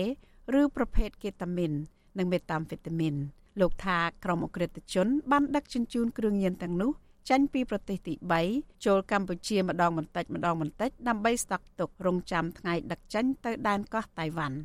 ប្រធានអង្គការសម្ព័ន្ធភាពការពារសិទ្ធិមនុស្សកម្ពុជាហៅកាត់ថាច្រាក់លោករស់សិដ្ឋាមើលឃើញថាការដែលឈ្មួញនៅតែអាចដឹកជញ្ជូនគ្រឿងញៀនចូលកម្ពុជាបានដោយសារសមត្ថកិច្ចនិងតុលាការអនុវត្តច្បាប់គ្មានប្រសិទ្ធភាព ការខ្វះនៅប្រសិទ្ធភាពទៅលើការចាត់វិធានការទៅលើគ្រឿងញៀនដោយសារតែរឿងបញ្ហាការពាក់ព័ន្ធនឹងអំពើពុករលួយអញ្ចឹងអំពើពុករលួយនេះក៏យើងដឹងមកគាត់ថាវាពាក់ព័ន្ធនឹងមន្ត្រីក្រាក់ក្រាក់ទៅទៀតដែរដូចជាបញ្ហាពាក់ព័ន្ធគ្រឿងញៀនមន្ត្រីខាងកំពង់ស្ពឺណារាជធានីភ្នំពេញខំថានឹងចាត់ការបានជនដែលខលហូជនល្មើសដែលវិនិយោគគ្រឿងញៀននឹងបានច្រើនថែមទៅទៀត កាលពីឆ្នាំ2023សមត្ថកិច្ចបង្ក្រាបបទល្មើសគ្រឿងញៀនជិត8000ករណីនិងខាត់ខ្លួនជនសង្ស័យជិត20000នាក់ក្នុងនោះតឡាការចោតប្រកាន់ជនសង្ស័យពាក់ព័ន្ធនឹងបទល្មើសជាង10000នាក់ក្នុងឆ្នាំ2023ដដែលសមត្ថកិច្ចរឹបអូសបានសារធាតុគ្រឿងញៀនប្រមាណ4តោននិងសារធាតុគីមីផ្សំកែច្នៃជាគ្រឿងញៀនជាង1តោនដោយឡែកទំព័រឆ្នាំថ្មី2024នេះវិញកាត់ត្រឹមថ្ងៃទី24ខែមករា សមត្ថកិច្ចបង្ក្រាបបទល្មើសគ្រឿងញៀនបានជាង100ករណីនិងរឹបអូសគ្រឿងញៀនប្រមាណជាង2តោននាងខ្ញុំស្ងួនអមរា Vithu Azisaray ពីរដ្ឋធានី Washington ចាលោកនាងជាទីមេត្រីតកតងនឹងរឿងគ្រោះថ្នាក់ចរាចរណ៍វិញបរិយាអាញានៃសាលាដំបងរាជធានីភ្នំពេញកាលពីថ្ងៃទី25ខែមករាម្សិលមិញបានចោទប្រកាន់អ្នកបើកបររថយន្តស៊េរីទំនើប Mack Ford Ranger គឺលោកនាងសំអូន ពីបទបើកបរក្នុងល្បឿនលឿនក្រោមស្ថានភាពស្រវឹងធ្វេសប្រហែសនិងមិនគ្រប់ច្បាប់ចរាចរណ៍ដែលបណ្ដាលឲ្យមនុស្ស4នាក់បានស្លាប់ និងរងរបួស4នាក់ផ្សេងទៀតយោងតាមច្បាប់ចរាចរណ៍លោកនាងសំអូននឹងអាចជាប់ពន្ធនាគាររហូតដល់3ឆ្នាំ និងពិន័យជាប្រាក់ចំនួន15លានរៀលឬស្មើនឹង3750ដុល្លារបើសិនបើតឡាការរកឃើញថាមានទោស ការចាប់ប្រកាន់នេះធ្វើឡើងក្រោយពីមន្ត្រីក្រសួងសេដ្ឋកិច្ចនិងហិរញ្ញវត្ថុលោកនាងសំអូនអាយុ56ឆ្នាំកាលពីយប់ថ្ងៃទី20ខែមករាកន្លងមក បានបើកបរក្នុងល្បឿនលឿនក្រោមស្ថានភាពស្រវឹងដោយបានបើកបុករះរថយន្ត2គ្រឿងនិងម៉ូតូ4គ្រឿងខណៈដែលពួកគាត់កំពុងឈប់ចាំភ្លើងស្តុបពណ៌ក្រហម ដែលបណ្ដាលឲ្យយុវជន4នាក់បានស្លាប់ ក្នុងនោះ3នាក់ជាស្ត្រីនិងរងរបួស4នាក់ផ្សេងទៀតនៅកន្លែងកើតហេតុត្រង់ចំណុចក្រោមស្ពានអាកាសឫស្សីកែវខណ្ឌឫស្សីកែវរាជធានីភ្នំពេញហេតុការណ៍គ្រោះថ្នាក់ចរាចរណ៍ដ៏រន្ធត់នេះបណ្ដាលឲ្យមានការរិះគន់ជាខ្លាំងពីសំណាក់មហាជន ក្នុងនោះរួមទាំងលោកនាយករដ្ឋមន្ត្រីហ៊ុនម៉ាណែតដោយបានណែនាំដល់អគ្គស្នងការនគរបាលជាតិលោកសថេត និងមន្ត្រីជាន់ខ្ពស់ជាច្រើនអ្នកទៀត ឲ្យប៉ូលីសចរាចរណ៍ធ្វើតេស្តពីកម្រិតជាតិស្រាដល់គ្រប់អ្នកបើកបររថយន្តទាំងអស់ដើម្បីបញ្ជាគ្រោះថ្នាក់ចរាចរណ៍ទៅថ្ងៃអនាគតចាលោកនាងជាទីមេត្រីក្រុមហ៊ុនអង្គរ Plywood របស់លោកជាពៅដែលមានបងប្រុសជាមន្ត្រីជាន់ខ្ពស់ក្នុងជួររដ្ឋាភិបាល គឺជាក្រុមហ៊ុនដ៏ធំជាងគេនៅកម្ពុជា ដែលបាននាំចេញឈើកម្រយកទៅលក់នៅក្រៅប្រទេសដោយខុសច្បាប់ ជាពិសេសនៅប្រទេសវៀតណាមនិងចិនមន្ត្រីអង្គការសង្គមស៊ីវិលស្នើឲ្យរដ្ឋាភិបាលស៊ើបអង្កេតបទល្មើសរបស់ក្រុមហ៊ុនមួយនេះដើម្បីចាត់វិធានការតាមច្បាប់ចាលោកយ៉ងច័ន្ទតារាមានសេចក្តីរាយការណ៍ពិស្ដារជំវិញព័ត៌មាននេះក្រុមហ៊ុនអង្គរ Plywood របស់លោកជាពៅបានប្រមូលទិញឈើមានតម្លៃពីក្រុមហ៊ុនមួយចំនួនដែលមានទីតាំងជាប់នឹងតំបន់ព្រៃអភិរក្សនានានៅក្នុងប្រទេសកម្ពុជា មានដូចជាក្រុមហ៊ុន Sing Biotech ក្រុមហ៊ុន Macro Logistics ដែលមានទីតាំងជាប់ដែនជម្រកសត្វព្រៃឡង់និងបច្ចុប្បន្នកំពុងប្រមូលឈើពីក្រុមហ៊ុន TSMW ដែលកំពុងសំងំធ្វើអាជីវកម្មឈើខ្នាតធំជាប់នឹងតំបន់ការពារធម្មជាតិក្នុងស្រុកសៀមប៉ាងខេត្តស្ទឹងត្រែង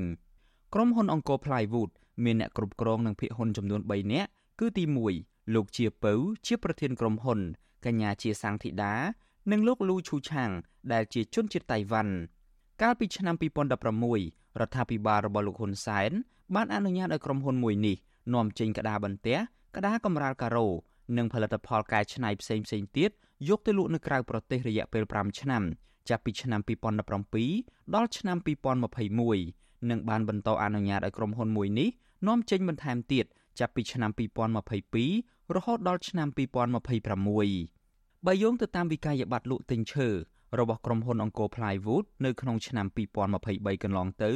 ក្រុមហ៊ុនមួយនេះបាននាំចេញឈើប្រភេទកម្រជាច្រើន មានដូចជាស្រឡៅផ្ចិតសុក្រំឈ្លិចនិងកកោះជាដើម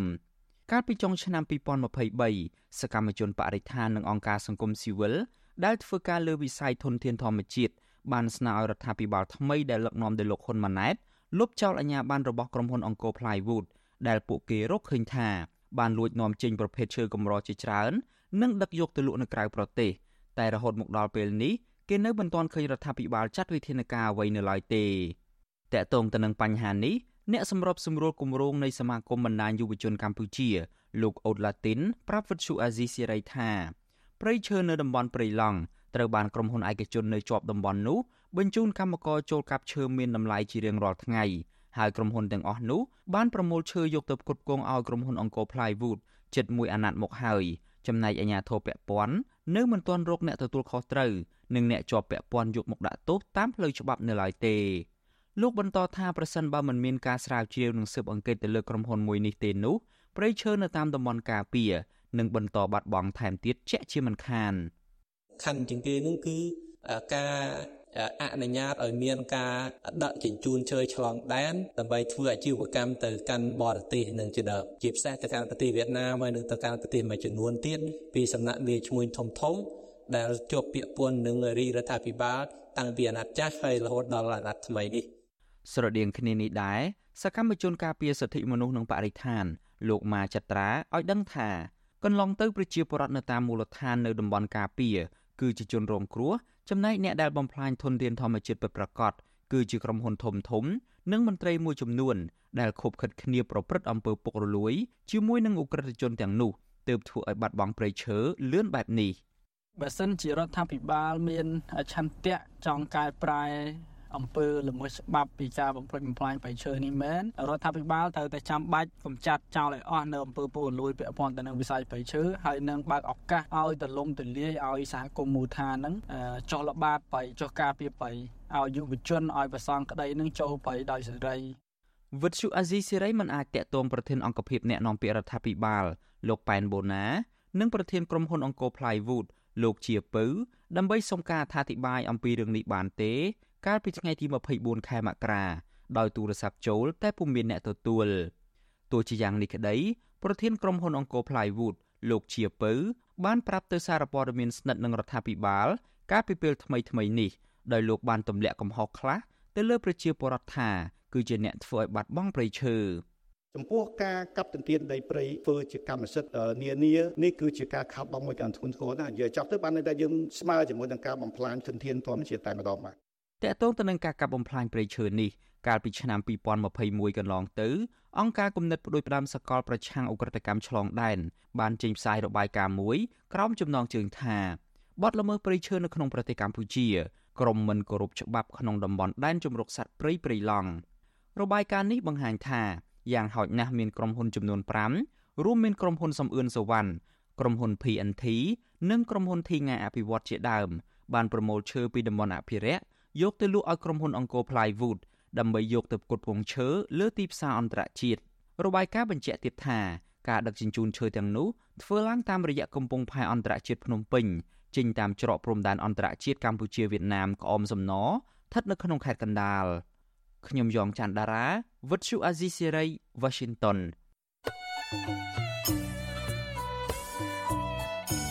ចាលោកនាងជាទីមេត្រីវិទ្យុអាស៊ីសេរីសូមជូនដំណឹង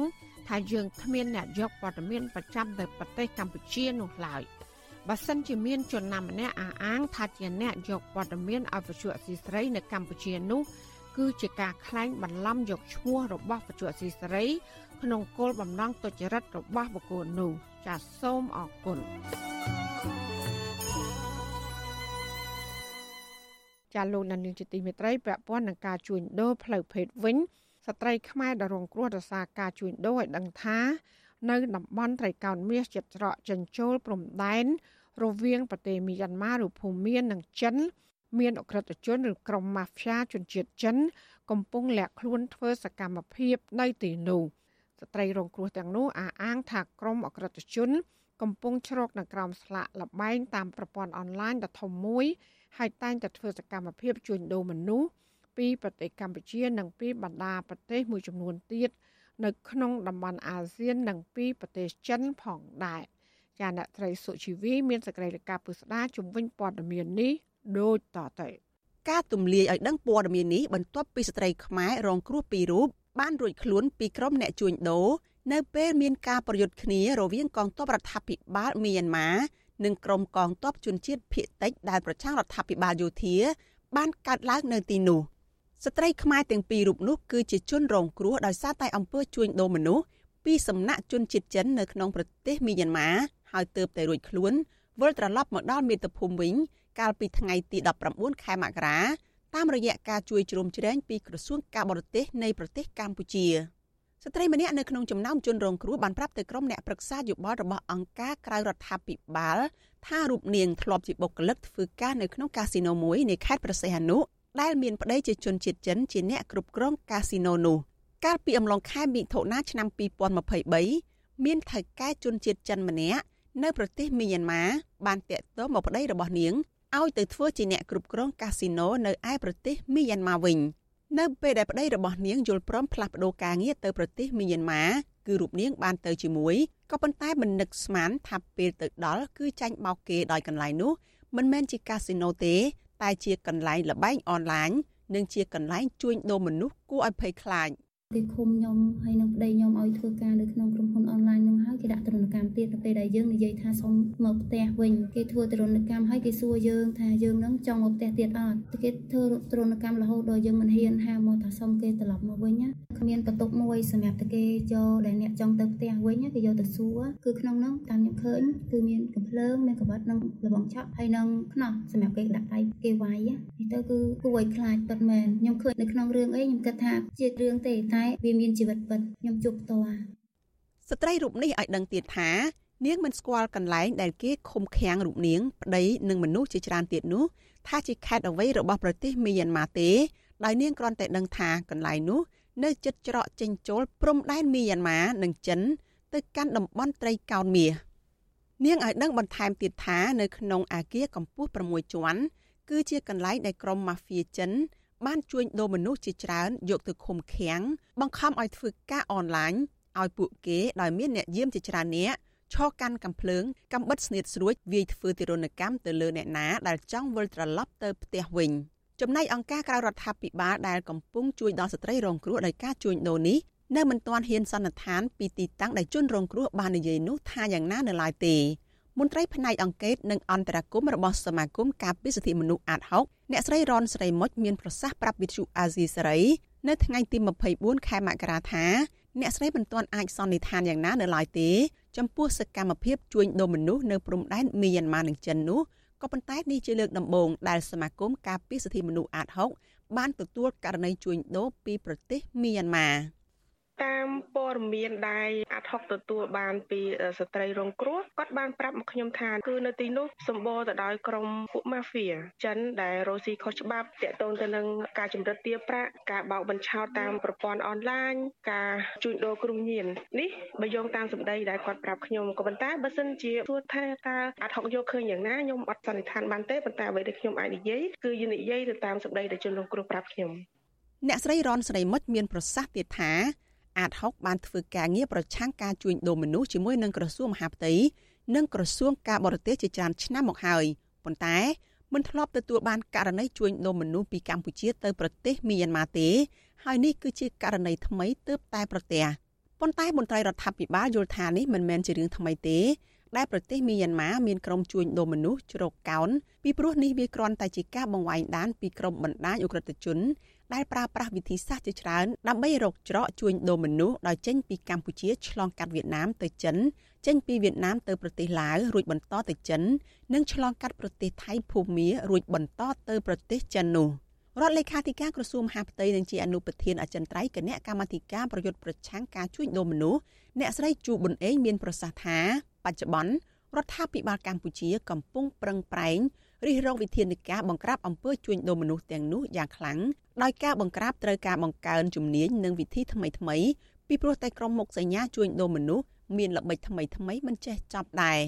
ជនល្មើសរោគគ្រប់វិធីបិទមួយរឿងទៅចេញមួយរឿងបិទមួយរឿងចេញមួយរឿងតែយើងតាមរោគដូចតែដេញដេញចាប់កដោចូលរួនអញ្ចឹងដូចឥឡូវហ្នឹងអញ្ចឹងមានពេលខ្លះទំនាក់ទំនងរបស់គេមិនមែនទៅរោមនុស្សនឹងឃើញនៅកន្លែងនោះទេវាតាក់ទងតាមខ្យល់តាក់ទងតាមប្រព័ន្ធអនឡាញតាក់ទងតាមវិធីសាស្ត្រ IT អញ្ចឹងទៅហើយអញ្ចឹងយើងសួរថាងាយណានឹងរោនៅពេលណាដែលគាត់តាក់ទងគ្នាហើយគាត់បដូរវិធីសាស្ត្រទៀតហ្នឹងអញ្ចឹងបើសិនជាគ្មានកិច្ចសហការពីជនរងគ្រោះយើងប្រហែលជាមិនងាយនឹងរកឃើញទេអ្នកស្រីជូប៊ុនអេងឲ្យដឹងទៀតថាជាច្រើនឆ្នាំមកហើយកម្ពុជាបានធ្វើកិច្ចសហប្រតិបត្តិការជាមួយនឹងបណ្ដាប្រទេសនៅក្នុងអនុតំបន់ទន្លេមេគង្គមានចិនមីយ៉ាន់ម៉ាប្រទេសថៃប្រទេសឡាវនិងវៀតណាមដើម្បីបង្ក្រាបការជួញដូរមនុស្សនេះជាប្រចាំបើទោះបីជាយ៉ាងណានាយកប្រតិបត្តិរបស់អង្គការសង្ត្រាល់លោកមឿនដុល្លារនៅតែយល់ថា អំពើជួញដូរមនុស្សពីកម្ពុជាទៅប្រទេសចិននិងប្រទេសដទៃទៀតនិងពីប្រទេសដទៃទៀតចូលមកកម្ពុជា នៅតែមិនទាន់ថយចុះទេលោកមឿនដុល្លារយល់ថារដ្ឋាភិបាលគួរតែត្រួតពិនិត្យលើមន្ត្រីខ្លះដែលខុបខិតគ្នាជាមួយនឹងបណ្ដាញជួញដូរតាមរយៈការធ្វើអត្តសញ្ញាណប័ណ្ណឲ្យមនុស្សដែលមិនទាន់គ្រប់អាយុដើម្បីអាចធ្វើឯកសារចេញទៅក្រៅប្រទេសព្រមទាំងត្រួតពិនិត្យឲ្យបានតឹងតែងទៅលើក្រុមហ៊ុនខ្លះដែលនាំពលករចេញទៅធ្វើការនៅក្រៅប្រទេស ពីព្រោះនៅក្រុមហ៊ុនខ្លះក៏មានជាប់ពាក់ព័ន្ធនឹងការជួញដូរមនុស្សនៅពេលដែលគេនាំពលករទៅដល់ក្រៅប្រទេសហើយនោះ។ ការជួញដូរមនុស្សនេះវាមានរឿងច្រើនមិនមែនតែរឿងយកស្ត្រីខ្មែរទៅចិនទេប៉ុន្តែមានយកស្ត្រីនិងបរោះខ្មែរទៅធ្វើការនៅប្រទេសម្ដុំអារ៉ាប់ក៏មានហើយមានជនជាតិបរទេសដូចពីម៉ាឡេពីឥណ្ឌូនេស៊ីពីអីចឹងទៅបានគេជួញដូរមកស្រុកខ្មែរហើយចំណុចមួយទៀតដែលយើងច្រើនតែមើលម្លងហ្នឹងគឺរឿងការជួញដូរកម្លាំងពលកម្មតាមពិតការជួញដូរកម្លាំងពលកម្មក៏គេចាត់ទុកថាជាការជួញដូរមនុស្សដែរ ក្រសួងការបរទេសអាមេរិកបានចេញរបាយការណ៍ស្ដីពីការជួញដូរមនុស្សប្រចាំឆ្នាំ2023ដោយបានដាក់ចំណាត់ថ្នាក់កម្ពុជាជាប្រទេសអាក្រក់បំផុតនៃការជួញដូរមនុស្សនៅលើពិភពលោករបាយការណ៍លើកឡើងទៀតថារដ្ឋាភិបាលកម្ពុជាមិនបានបំពេញតាមស្តង់ដារអបបរមាក្នុងការលុបបំបាត់ការជួញដូរមនុស្សនិងពុំបានខិតខំប្រឹងប្រែងឲ្យបានខ្លាំងក្លា ក្នុងការប្រយុទ្ធប្រឆាំងនឹងអំពើជួញដូរមនុស្សនោះទេសូម្បីតែនៅក្នុងអំឡុងពេលមានការរីករាលដាលនៃជំងឺ Covid-19 ក៏ដោយអង្គការសង្គមស៊ីវិលនៅតែទទូចឲ្យរដ្ឋាភិបាលកម្ពុជាចាត់វិធានការឲ្យបានតឹងរឹងប្រឆាំងនឹងការជួញដូរមនុស្សព្រមទាំងលុបបំបាត់អំពើពុករលួយ ជាពិសេសជនដែលពាក់ព័ន្ធបើទោះបីជាមានឋានន្តរស័ក្តិប៉ុណ្ណាក៏ដោយត្រូវតែអនុវត្តទៅតាមផ្លូវច្បាប់ពីព្រោះអំពើជួញដូរមនុស្សគឺជារឿងធ្ងន់ធ្ងរ នាងខ្ញុំសុជីវី With you Azizi Serai ពីរដ្ឋធានី Washington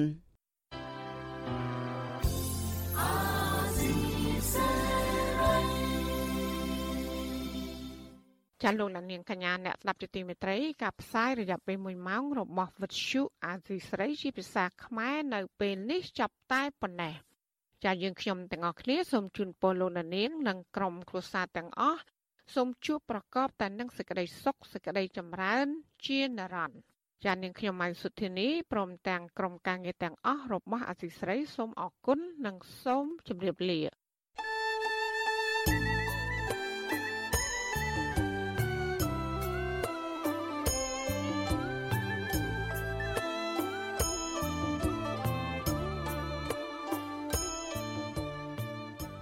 វិទ្យុអេស៊ីសរ៉ៃផ្សាយតាមរលក ធារកាសខ្លីតាមកម្រិត និងកម្ពស់ដូចតទៅនេះ ពេលព្រឹកចាប់ពីម៉ោង5កន្លះដល់ម៉ោង6កន្លះតាមរយៈប៉ុស SW 93.90 MHz ស្មើនឹងកម្ពស់ 32m និងប៉ុស SW 11.85 MHz ស្មើនឹងកម្ពស់ 25m ពេលយប់ចាប់ពីម៉ោង7កន្លះដល់ម៉ោង8កន្លះតាមរយៈប៉ុស SW 93.30 MHz ស្មើនឹងកម្ពស់ 32m ប៉ុស SW 11.88 MHz ស្មើនឹងកម្ពស់ 25m និងប៉ុស SW 15.15 MHz ស្មើនឹងកម្ពស់ 20m លោកអ្នកនាងក៏អាចស្ដាប់និងទស្សនាការផ្សាយផ្ទាល់នៅលើគេហទំព័រ Visual Asia សេរីតាមរយៈអាសយដ្ឋាន rfa.org/ ខ្មែរក្រៅពីនេះលោកអ្នកនាងក៏អាចអាននិងទស្សនាព័ត៌មានវិទ្យុអាស៊ីសេរីលើទូរស័ព្ទដៃរបស់លោកអ្នកនាងផ្ទាល់ សូមអញ្ជើញលោកអ្នកនាងដំឡើងកម្មវិធីវិទ្យុអាស៊ីសេរីនៅលើទូរស័ព្ទដៃរបស់លោកអ្នកនាងឬស្វែងរកវិទ្យុអាស៊ីសេរីនៅលើ YouTube ឬ Facebook ដោយស្វែងរកពាក្យថាវិទ្យុអាស៊ីសេរីឬ RFA ខ្មែរសូមលោកអ្នកនាងចុច like follow និងចុច subscribe ដើម្បីទទួលបានព័ត៌មានថ្មីៗតាមហេតុការណ៍និងទស្សនាវីដេអូផ្សេងៗទៀតបានគ្រប់ពេលវេលា យើងខ្ញុំសូមជូនពរដល់លោកអ្នកនាងព្រមទាំងក្រុមគ្រួសារទាំងអស់ឲ្យជួបប្រកបតែនឹងសេចក្តីសុខសេចក្តីចម្រើនរុងរឿងកុំបីឃ្លៀងឃ្លាតឡើយ។